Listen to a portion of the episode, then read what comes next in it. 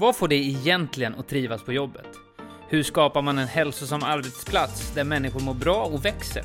Och vad behöver man göra för att organisationen ska nå sina mål? De här frågorna och mycket mer besvarar vi i podcasten. Mitt namn är Andreas Evermyr och du lyssnar på Framtidens arbetsplats. I dagens avsnitt träffar jag Fredrik Svelander, som om du frågar mig är en av Stockholms och Sveriges bästa rekryterare. Jag ser fram emot att lära känna Fredrik bättre och också få insikt i hur en bra rekryteringsprocess ser ut. Vi kommer också prata om vad som gör att man blir engagerad på arbetsplatsen. I introt så sa jag att eh, enligt mig så är du en av Sveriges bästa rekryterare. Jaså? Oj oj oj. Ja, Vilken, eh, oj oj oj. blir du verkligen överraskad? Nej. Nej men eh, överraskad, eh, ja men det är klart att jag blir överraskad. Ehm, jag har ju gott självförtroende, det tror jag att eh, de flesta känner till. Men eh, tack för det. Jag vet ju att du har jobbat som bartender. Mm, mm. På Scandic tror jag det var. Om Precis, jag kommer Sergel. Plaza innan det eh, lades ner kan Ja. man säga. I den här podden så pratar vi en del om arbetsmiljö arbetsplatsen. Mm. Hur är det att jobba som bartender?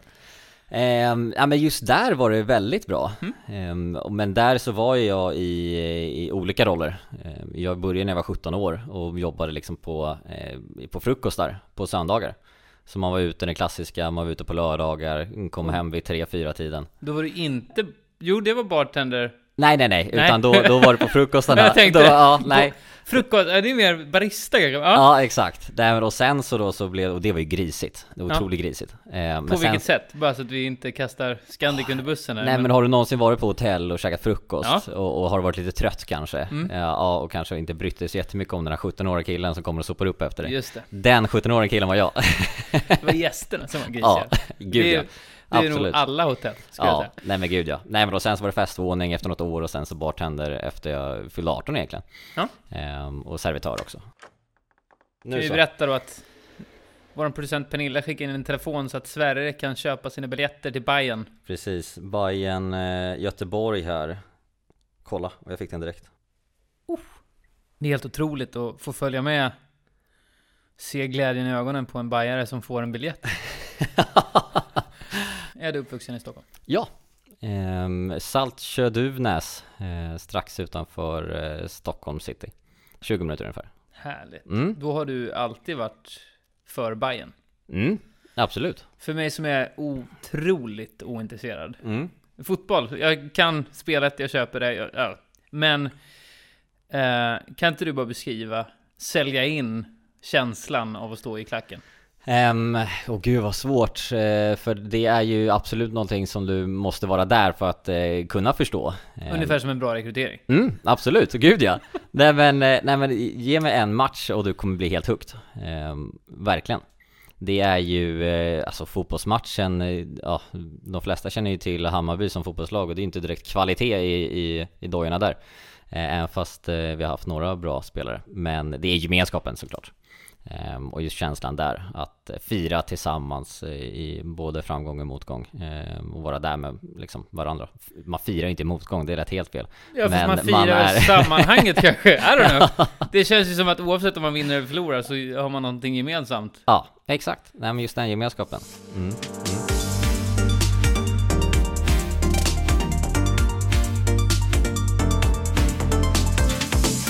Förlåt alla lyssnare som inte gillar fotboll. Eh, hoppas vi vinner tillbaka det här. Eh, du har också jobbat som eventsproducent. Ja, det låter lite spännande, eller hur? Mycket. Ja, och jag vet än idag inte riktigt vad det står för. Det var då min tidigare arbetsgivare som valde att kalla det det. Eh, vi var ju väldigt breda i vad vi gjorde eh, Mm. under hela den tiden. Det var väl där i två år Mm. eh, och jobbade då med events eh, och då främst inom dekor, eh, styling, eh, mycket teknik, liksom sätta upp typ inför en podcast. Om man inte har rätta prylarna ska man hyra in sådana mickar från oss. Det var verkligen högt och lågt i vad vi hade där i, i stallagen på kontoret eller på lagret.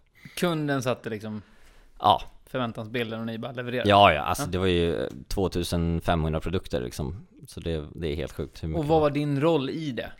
Nej men det började ju, ja men såklart måste man ju lära sig själva verksamheten och, och, och sådär såklart Så det var mycket hänga, hänga på där men efter några månader så kom det ju till att eh, Eh, mycket montering, mycket, eh, vad ska man säga? Eh, alltså mycket dekor och styling utav det Och sen så successivt gick det över till att vara med och utforma lite events också Tillsammans med kunden såklart som hade initiala tanken och idén Om vad de ville, ville ha Känns ju som att du borde vara med och styla våra kontor. Ja, absolut. Jag har haft Dekorera lite... våra event och liksom... Ja, ja, men jag har ju varit inne på det lite grann och ändrat lite grann i, i, i form av, eh, ja, vart eh, sakerna ska stå och hur det ska vara och sådär. Tydlig specialistroll Mm, här, mm, som mm. vi kan utforma. Gud ja, ja men jag, innan jag ens var på framtiden så pratade jag med en tidigare anställd om att vi jättegärna ville, ville hjälpa till och, och ha fester. Men tyvärr, det gick inte. Men snart, eh, då. Ja, ja, absolut. Det är bara budgetfråga. Exakt. Det var grymt. Eh, du har också studerat Mm, Sunshine Coast. mm precis. Australien. Psykologi, social Mm. science. Mm, precis, exakt. Eh, det är ju otroligt eh, spännande, för du har både flyttat till en helt annan kultur, Mm. som jag gärna vill veta mer om, men först då social science, vad, vad lärde du dig om det ämnet? Ja, nej men exakt. Alltså jag eh, tog ju med mig väldigt mycket just kopplat då till hela resan. Just det jag lärde mig om själva Social Science Psychology som, som själva utbildningen eh, heter, det fulla namnet. Ehm, så var det ju mycket om kulturen. Ehm, alltså vi hade ju fyra stycken kurser per termin istället för en eller två kurser som vi har i Sverige. Vi hade inget examensarbete eller på det sättet. Ehm, så vi läste ju otroligt mycket olika kurser Och alltså det främsta jag tog med mig det var ju intresse liksom för sportpsykologi Alltså motivation och liksom hur man kan ta vidare det och tänka psykolo- psykologiska termer liksom i hur man kan jobba bättre som lag och, och, och sådana saker hur tar du med dig det i ditt arbete idag som rekryterare? Eh, nej men det tar ju med mig i rekryteringen, i varje liksom eh, sökning så alltså framtiden är ju väldigt bra kopplat till min utbildning skulle jag vilja säga för vi kan inte riktigt ta våra kandidater liksom på referenser så jätteofta eftersom de är ganska juniora i många lägen så har de kanske inte ens arbetat någonstans eh, utan bara studerat och liksom vad, vad gör en referens då egentligen? Ja men då får vi gå mer på personligheten och varför är då rätt person för jobbet? Så i den, den aspekten så känner jag att min, min utbildning har verkligen rätta röda tråden. Eh, och det är väl det som jag säljer in lite grann också till själva kunden också. Eh, att just titta mer på personen i fråga. Eh, och sen så kravställa kunden att ja, men det är ni som har eh, ja, men, ni har kunskaper och det är ni som ska kompetensutveckla eh, den nya anställda. Ja, för det är lätt att se, titta på, eh, alltså utbildningen i sig om man går på universitet och Mm. att ja, men du har lärt dig IT-tekniken eller Java-språket eller vad det nu är. Mm. Men det är Snyggt. mycket svårare att känna in själva personligheten. Ja, ja, absolut, gud ja. Och ännu svårare nu under corona när, man, när vi har liksom bara haft digitala eh, intervjuer så det har varit jättesvårt att komma in i det. Eh, men man känner ju att man har fått eh, mer koll på vilka frågor kanske man ska ställa för att kunna komma djupare och kunna ställa motfrågor på, på det som de kommer tillbaka med. Eh, och ja, svårt att ta några exempel men, men eh, det har ju varit mycket svårare. För det, det gör ju att alltså det fysiska krävs ju nästan för att jag ska kunna eh, verkligen känna av personligheten eller inte. Nej, men det var någon som sa att eh, förtroendet byggs mellan mötena. Alltså när du morsar på varandra i korridoren eller på väg till mötet eller från mötet. Mm. Det är där du bondar och sen i mötet så pratar de om det faktiska liksom, agendan. Men Mm. Förtroendet byggs runt omkring. Mm. Och den köper jag faktiskt. Mm, eh, där jag också tycker att det är mycket lättare inom situationstecken att säga nej till en säljare som ringer mig som marknadschef och vill sälja in någonting i ett digitalt möte. Mm. Ehm, en, en duktig säljare eller rekryterare känner ju av fysiskt på plats. Man hittar varandra på ett helt annat sätt. Ja, men verkligen, verkligen. Och Så- precis som du säger just att men vi är säljare också. Alltså jag sitter ju som rekryterare men jag är säljare. Eh, det skulle vara dumt att förneka det. Eh, vi alla är säljare, vi säljer en tjänst. Vi, vi säljer alltså en, en faktisk tjänst, just vi då, då eh, i form av ett arbete. Och den måste säljas in på rätt sätt och precis som du säger, just förtroendet att ja, men, vi som bemanningsföretag eller rekryteringsföretag liksom, vi ska sätta dig ut hos en annan kund. Det måste då komma, alltså den personen måste tro på mig. Och, och, och det, det är svårt att få in bara mellan datan, dataskärmen. Och speciellt om man inte kan någonting om rekrytering. Mm. så, jag menar innan jag började jobba i den här branschen, så klart att man, man kände att det var ett stort steg att bli rekryterad in genom någon. Eh, det känns mer riskfyllt inom situationstecken. Man förstår inte hur det funkar. Ah, är det inte bättre att jag går till företaget direkt? Eh, vad skulle du säga är fördelarna eh, som man får som våran kandidat där? Nej men det är ju själva stöttningen. Återigen om vi fokuserar lite mer på de, de främst ja, men juniora profilerna. För jag förstår att är man gammal i gamet och, och liksom har ja, men kunskaperna och liksom det är inga konstigheter. Nej, varför ska vi vara den mellanhanden egentligen? Jag vet att jag lika gärna kommer att gå över. Eh, men, men om vi fokuserar just på de juniora där så, så blir det ju mer att vi, vi är en stöttande pelare för dem Eh, individerna. Ehm, det är många som kanske inte har den här självsäkerheten, ehm, behöver stöttning i form av ja, men kanske prata med sin nya chef på plats eh, och ta sig mod till det. Ja, men då finns vi alltid där. Det kan vara kopplade, eh, kopplat till, till saker som anställningsavtalet, gå igenom saker som man kanske inte då känner sig trygg i att ställa frågor då till, till en väldigt auktoritär person i form av chef. Ehm, jag blir inte personens chef, utan jag blir ju är du coach? Ja, ja eh, det, det, blir man ju. Eh, ja, lite granna. Det beror på vad personen vill ha hjälp med. Så det är lite mera personen som väljer om jag blir coach eller inte. Men jag håller inte riktigt med. Mhm. Vad menar du då? Nej, men jag, jag håller inte riktigt med om att det bara, är, alltså, bara gäller juniora. Mm. Jag har en närstående som ska byta jobb. Ja. Som har lång erfarenhet. Men bytte jobb senast för 10 år sedan. Mm. Eh, personen är runt 35. Och känner ändå det här oron i att okej, okay, hur ska jag föra mig? Vad ska jag säga? Vad förväntas? Eh, hur ska jag löneförhandla? Alltså alla de bitarna som är i och med att Eh, om du inte är en extrovert person som älskar att sälja dig själv. Intervjusituationen blir ju då lite awkward. Mm.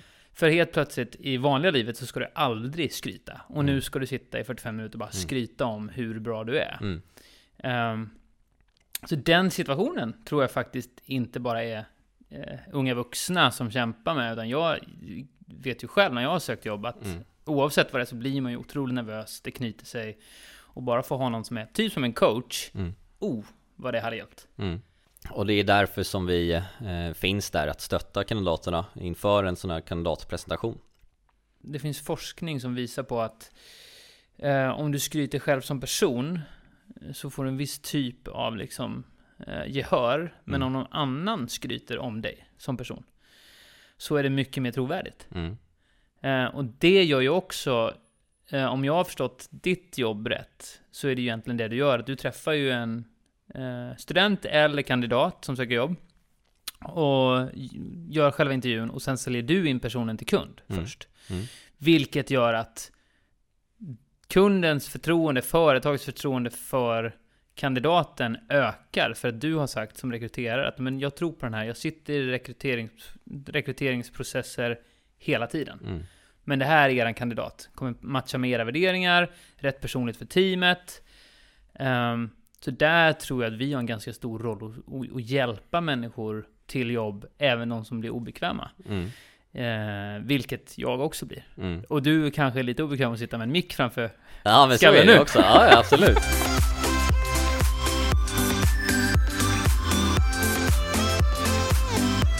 Fem snabba med Fredrik. Uff. Springtur på lunchen eller en match på Fifa? Fifa, ärligt, men eh, tyvärr. Mm? Jag går ju också väldigt mycket med min hund, så... Det ja, det kompenserar det. Ja. ja, det är bra. Eh, öppen eller stängd kontorsdörr? Stängd. Uh -huh. Hunden kommer springa ut. Just det. Vi har, vi har någon form av hundpolicy. Jag är ju eh, pälsdjursallergiker, men det funkar ändå för att alla stänger in sina hundar på kontoret. Så det, Exakt. För mig funkar det, och för hundägaren. Ja. Kanon. Hur är han i möten? Eh, han är fantastiskt bra i möten, absolut. Du brukar ta upp honom och visa? Ja, ja, ja. exakt. Det är precis med de här seniora eh, som verkligen älskar hundar, då, då kan det bli att lilla Svante får, får komma med i bilden någon gång. Ja, mysigt. Jobba hemma eller från kontoret? Kontoret. Jag vet ju, du åker ju lämna din eh, sambo mm. 06.30 eller vad det är och sen ja. bara raka vägen hit. Sitter här i 15 timmar och så åker du hem. Inte riktigt det, så, men... Det är för att jag älskar kontoret så mycket. Ja. ja. Kollegorna? Ja, just Eller det. bara Precis, väggarna? just det. Ja, det var. Uh, höj och sänkbart skrivbord eller frukost på jobbet? Frukost på jobbet. Alldeles för slö för att göra frukost. Din inkorg just nu, överfull eller städad? Städad. Varje dag? Inte strukturerad, men städad. Ja. Jag går igenom mejlen direkt. Oftast. Jag Relativt ju, oftast. Jag jobbar ju med marknadsföring, vilket många tycker är kreativt, jag med. Mm. Så jag är lite mer den kreativa typen. Så Mm. jag har ju typ så här 350 000 olästa mejl. Men jag återkommer ofta. Ja. Eh, sen är det ofta också så här att är det någonting eh, som verkligen brinner, då Mm. brukar folk ringa. Ja, det är ju faktiskt så. Det blir ju den prioriteringsordningen. Ja. Och sen är det väldigt bra att höra av sig. Ja, Såklart. ja. Gud, Har du inte fått svar på mail från mig, jag ber om ursäkt.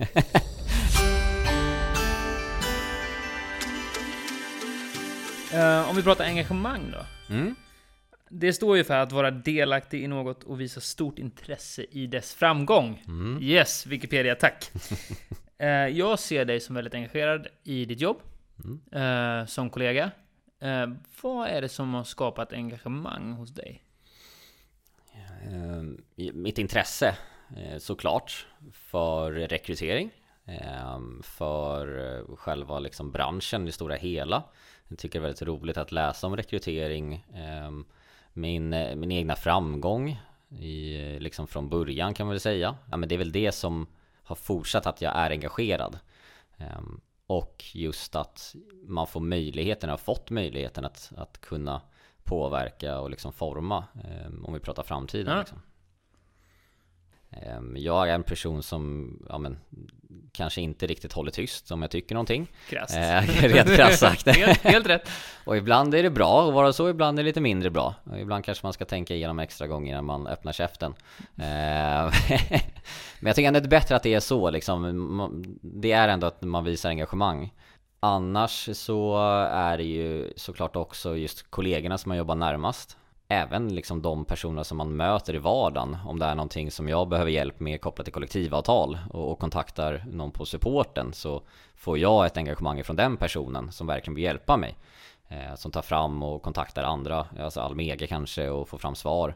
Alltså det gör ju mig glad att den personen engagerar sig. Så att jag får tillbaka det på sätt. Eh, det Engagemang smittar, det är det du säger. Ja, gud ja, 110%. Vad hindrar engagemang enligt dig? Ehm, Ja men det är väl tvärtom eh, skulle jag säga då. Eh, Att det inte uppmärksammas eller, eller erkänns från personer i, i närheten som man jobbar med. Om vi pratar om själva arbetet. Eh, Och då menar jag inte att man, man ska få en offentlig hyllning direkt. Även om det är skönt ibland. Även fast det är väldigt skönt ibland. Fredrik är grym.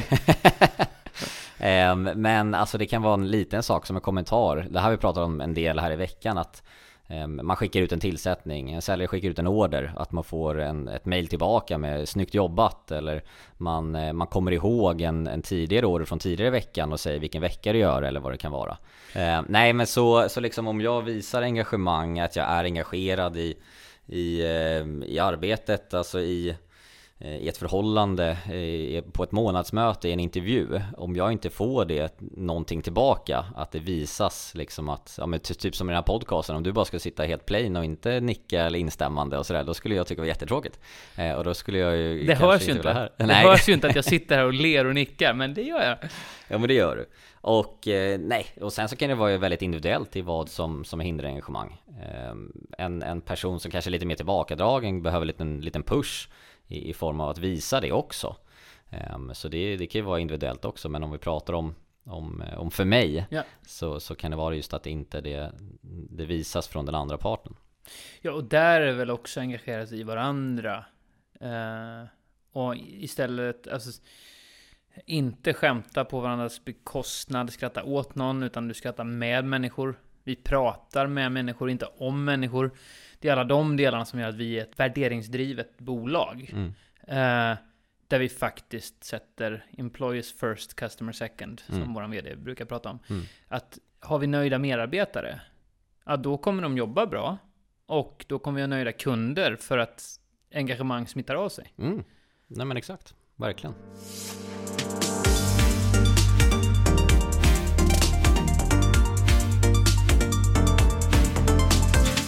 Vår vision på framtiden mm. är att få fler människor att känna magi på jobbet. Eh, och känna när man går och lägger sig på söndag kväll att yes, imorgon är det äntligen måndag. Vad får Fredrik Svelander att känna äntligen måndag? Men det är den härliga gemenskapen som vi har, um, både på kontoret, um, också nationellt, uh, internationellt.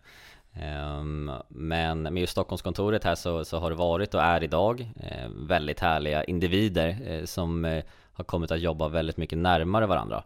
Vi, eh, vi går ju mot att jobba otroligt mycket tätare, eh, tätare samarbete eh, än vad vi någonsin gjort tidigare. Ehm, och med det så menar jag att sälj och leverans jobbar tätare än, än någonsin förut, tror jag. Som sagt, varit här i två år, men på den tiden ehm, så, så är det mycket, mycket tätare. Och det är någonting som jag verkligen ser fram emot varje, varje söndag. Det är ju också någonting vi har liksom tiltat till i våra värderingar, att vi pratar om teamwork som mm. en av våra värderingar. Eh, där jag tror att alla tjänar på att vara med i ett team som vinner. För även om du har en vecka som går dåligt, vilka alla kommer att ha någon gång, mm. Um, även de bästa rekryterarna, I'm sorry. uh, men någon gång har du en dålig vecka, men är du en del av ett team som känner att men, vi stöttar varandra, vi vinner. När du har en dålig vecka och jag har en bra vecka, då, då stöttar jag det. Min vinst blir din vinst. Då tror jag att alltså, den generella glädjen och nöjdheten och engagemanget kommer öka också på arbetsplatsen. Ja, ja, nej men exakt, precis. Och just eh, engagemanget där, det är det som krävs för att eh, liksom det, ska, det ska bli ett bra teamwork. Om vi snackar rekrytering nu då. Mm. Vad skulle du säga är de största misstagen bolag gör när de tar sig an rekrytering? Um, um, både liksom internt och externt menar du då? Ja, framförallt uh, när de ska rekrytera internt. Mm, mm. Um, och det är säkert många misstag de gör. Nej men eh, någonting som kan vara eh, ett problem, det kan vara att man, eller jag känner att eh, man kollar först kanske inte på exakt hur gruppen ser ut eh, innan man tar in nästa person. Eh, liksom hur kompletterar vi gruppen som vi har. Mm. Och här så absolut behöver man en person som är grym Java-utvecklare för vi har ingen eller den andra slutar. Självklart ska vi ha en grym Java-utvecklare. Vi måste ju se till kompetensen också, men om vi pratar lite mer personlighet kanske, så kan jag tro, eller jag har varit med tidigare, att man kollar lite mycket på så här, vi ska ha den som presterar högst, eh, vi ska ha de hög, alltså högsta betygen, eh, och så vidare. Eh, snarare då kolla på hur kompletterar vi gruppen på bästa sätt. Det där är otroligt intressant också, för att har du två Ja, om du, ska, om du har ett team som ska vara tre personer och två extroverter mm. som verkligen vill suga ut luften ur rummet. Mm. Kan ju vara bra att komplettera med en, någon som är lite mer introvert, som inte har behovet att synas på samma... Eller, ja. nu gissar jag bara. Men... Ja, nej men alltså det, och det, det, så kan det vara. Men där går vi på vad är, vad är vem är kunden? Vad, är, vad har de för grupp? Vad, vad är det för tjänst? Alltså är det säljare?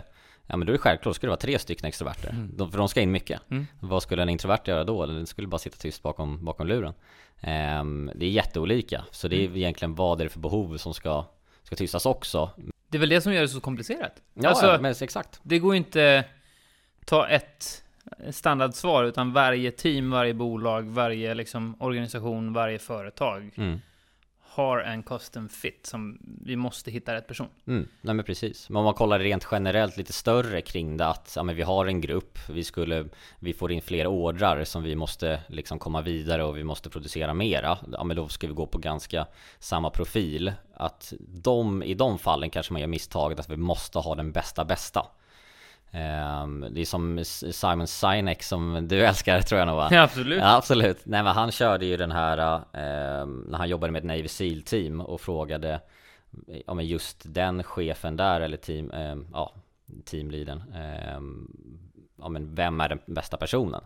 Och då hade de ju att, ja men är de som presterar högst liksom, det är performance eh, versus trust och då var det då eh, performance om det är hög, högpresterande, eh, trust, alltså litar man på personen eller inte. Eh, och där så var det då att de som hade högst i performance och eh, lägst i trust, det är typ de sämsta. De kan man inte styra alls egentligen. För då, då är det ingen som kommer in och backar, liksom om det skulle vara att... Ja, det sänker tilliten i gruppen, så det hjälper ja, inte att de presterar. Liksom. Exakt, verkligen. Utan där skulle det vara att, ja men performance det kan vara på, på 50% och trust på 100 då, då. Det skulle vara den perfekta kandidaten för dem. Och där pratar vi militären, så det är helt annorlunda. Men för att komplettera en grupp som redan fungerar bra så är det den perfekta kandidaten att ta vidare. Och det, det finns ju och det får man göra om hur, hur, man vill på enskilda bolag. Vem är deras och vilka parametrar använder de? Alltså i performance och trust. Det är inte det som alla bolag kommer, kommer använda sig av. Det är också väldigt kostsamt att rekrytera fel. Någonstans mellan, nu har jag googlat lite här, men någonstans mellan 300 000 till 700 000 beroende på vilket företag du är. Eh, och beroende på hur bra du har gjort studien, för att alla säger olika. Mm. eh, men det är ju ett ganska... En del kan jag tänka mig är rädda för att gå in i liksom... Eh, ta, ta extern hjälp med rekrytering. Mm. För att det är dyrt inom situationstecken. Men gör man då jobbet själv och misslyckas så blir det uppenbarligen ännu dyrare. Mm. För de som söker jobb. Mm. Vad får en kandidat att sticka ut hos dig? Mm. Eh, när vi får syn på en kandidat eh, för första gången eh, Det är antingen på LinkedIn då vi ska söka själva Men om vi säger då att personen har sökt till oss så är det ju eh, Det är ju CVt ehm, Som det, det är det enda vi ser innan vi väl tar kontakt med personen Så att ehm, man har ett bra CV ehm, är ju det främsta verkligen Och att CVt matchar till den tjänsten som man har sökt Alltså man ska egentligen ha 10-15, nej kanske inte så många, det beror på vilken, vilken kandidat man är. Men säg att man, eh, man har gjort en del projekt i skolan kanske, eller man har jobbat på lite olika, eh, på olika ställen. Ehm, så kanske man inte ska skriva in alla ställen i, i sitt CV. Utan, men om då det, det skulle vara meriterande att man har jobbat i ett serviceyrke sedan tidigare, ja men skriv in då att du jobbade för fem år sedan på, på McDonalds eller vad det nu kan vara. Eh, men det behöver du inte skriva i om du söker en annan tjänst som det spelar ingen roll vad du gjort tidigare kanske. Eh, alltså, och det var ett exempel. Eh, så egentligen anpassa och designa om CVt för själva rollen som man söker? Ja men precis, så att det är ett ärligt CV och relevant CV såklart också. Man kan inte hålla på och ljuga i, i sitt CV bara för att få en tjänst. Det kommer inte vara lyckosamt, inte ens i sin telefonintervju som man kommer ha. Det är grymt. Och för dig som lyssnar och vill ha hjälp med att skriva CV så kan du gå in på framtiden.com CV så skickar vi med Sveriges tips där och lite designförslag och hur man kan strukturera det. Så framtiden.com CV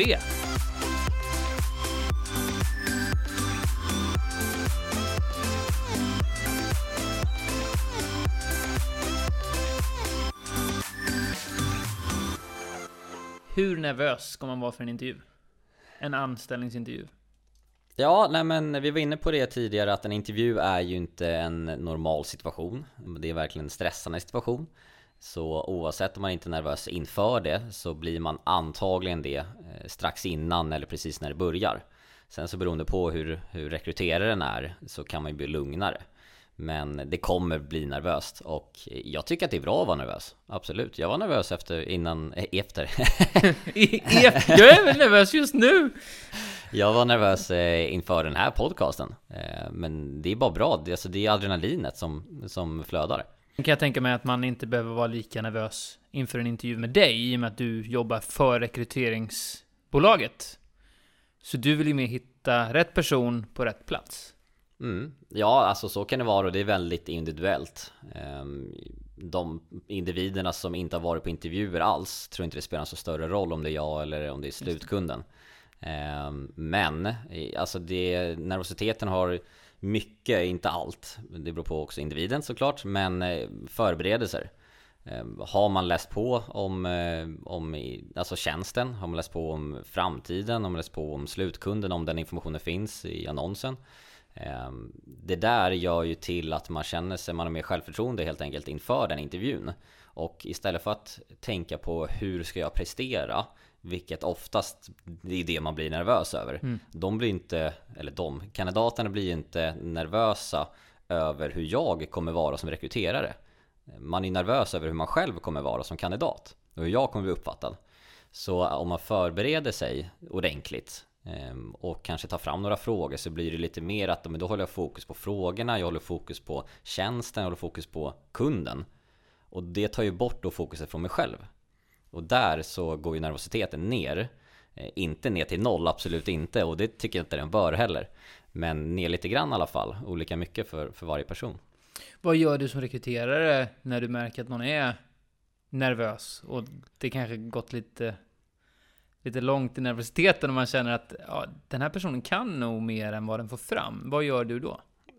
Um, ja, men jag som, eh, som person, jag är inte så jättemycket för kallprat egentligen. Uh, men just när man märker att personen blir lite nervös, då tar man det liksom tillbaka lite till, uh, ja, intervjus kan det vara deras intressen. Om de får prata om sig själva och på det sättet komma in på liksom vad de gillar att göra. Om det är utvecklare pratar om så kan det vara att spela kanske. Många med dataintresse gillar att spela ja, men då är den klassiska frågan, vad spelar du? Ehm, jag spelar själv lite grann också, så ibland kan det vara lite att man kommer in på det ämnet och pratar om det i några minuter. Mm. Ehm, vilket går vidare då till att okej, okay, men har du utvecklat eget spel? Ja, vad använder du då för tekniker? Och då får jag eh, lite, lite vinst i det också, då får jag veta vad de kan. Så du får, man bondar lite kring, hitta någonting och, och bygga en relation kring, helt mm, enkelt? Verkligen, och det ska man göra eh, liksom hyfsat snart liksom i början av intervjun så att den blir så bra som möjligt. Och när det kommer till tester mm. kopplat till rekrytering, personlighetstest eller IQ-test eller EQ, yay or nej, och vad ska man göra där? Nej men jag är ändå positiv till, till det eh, om, om de känner att det krävs och om man har gjort det för de medarbetarna som är där på plats idag. Eh, och inte börja med det eh, liksom bara från noll. Eh, utan att man då vet exakt vad det är man söker efter. För att bara ge en kandidat ett personlighetstest och liksom om jag skulle vilja ha en extrovert person och bara titta efter det. Så du måste veta vad det är du söker egentligen. Det går inte bara att kasta på ett verktyg. Nej, verkligen inte. Och få det att funka, du måste förstå och, och, kommunicera också. Ja, exakt. Och verkligen då ha, för de som har de här personlighetstesterna eller vad det nu kan vara för tester, de har ju oftast en, en representant som kan prata om vad det gav för resultat om man betalar för den tjänsten. Och då gäller det ju också för den här representanten att den berättar exakt hur den här kandidaten skårade på, på testet. Och att den ger en, en, en bra bild eller en eh, rättfärdig sanning eh, av hur den skårade. Sista frågan. Ja. Om du skulle få chansen att uppmuntra en person på din arbetsplats, vem skulle det vara? Den är ju riktigt tuff. Det är så otroligt bra personer man jobbar med varje dag. Ehm, men eh, första jag tänker på eh, Ebba Ebba Odén ehm, En riktig pingla, grym tjej som hjälper till både med hundar och är grym i, i försäljningsrollen och liksom när vi samarbetar i, vårt lilla bolag som vi kan kalla det med våra egna kunder så eh, väldigt bra nära samarbete. Grymt Ebba! Shoutout! Shoutout! Du, tack Fredrik för att du var med i podden. Tack själv. Grymt kul att ha dig här och lära känna dig ännu mer. Mm. Tackar, tackar. Välkommen tillbaks någon gång säkert. Ja, ja gud ja. och tack till dig som lyssnar. Om du har frågor kring arbetsplatsen, hur man hittar sitt drömjobb eller lyckas med rekrytering så kan du kontakta oss på framtiden.com. Jag heter Andreas Evermyr och den här podcasten är skapad av rekryteringsbolaget Framtiden. Vi ses!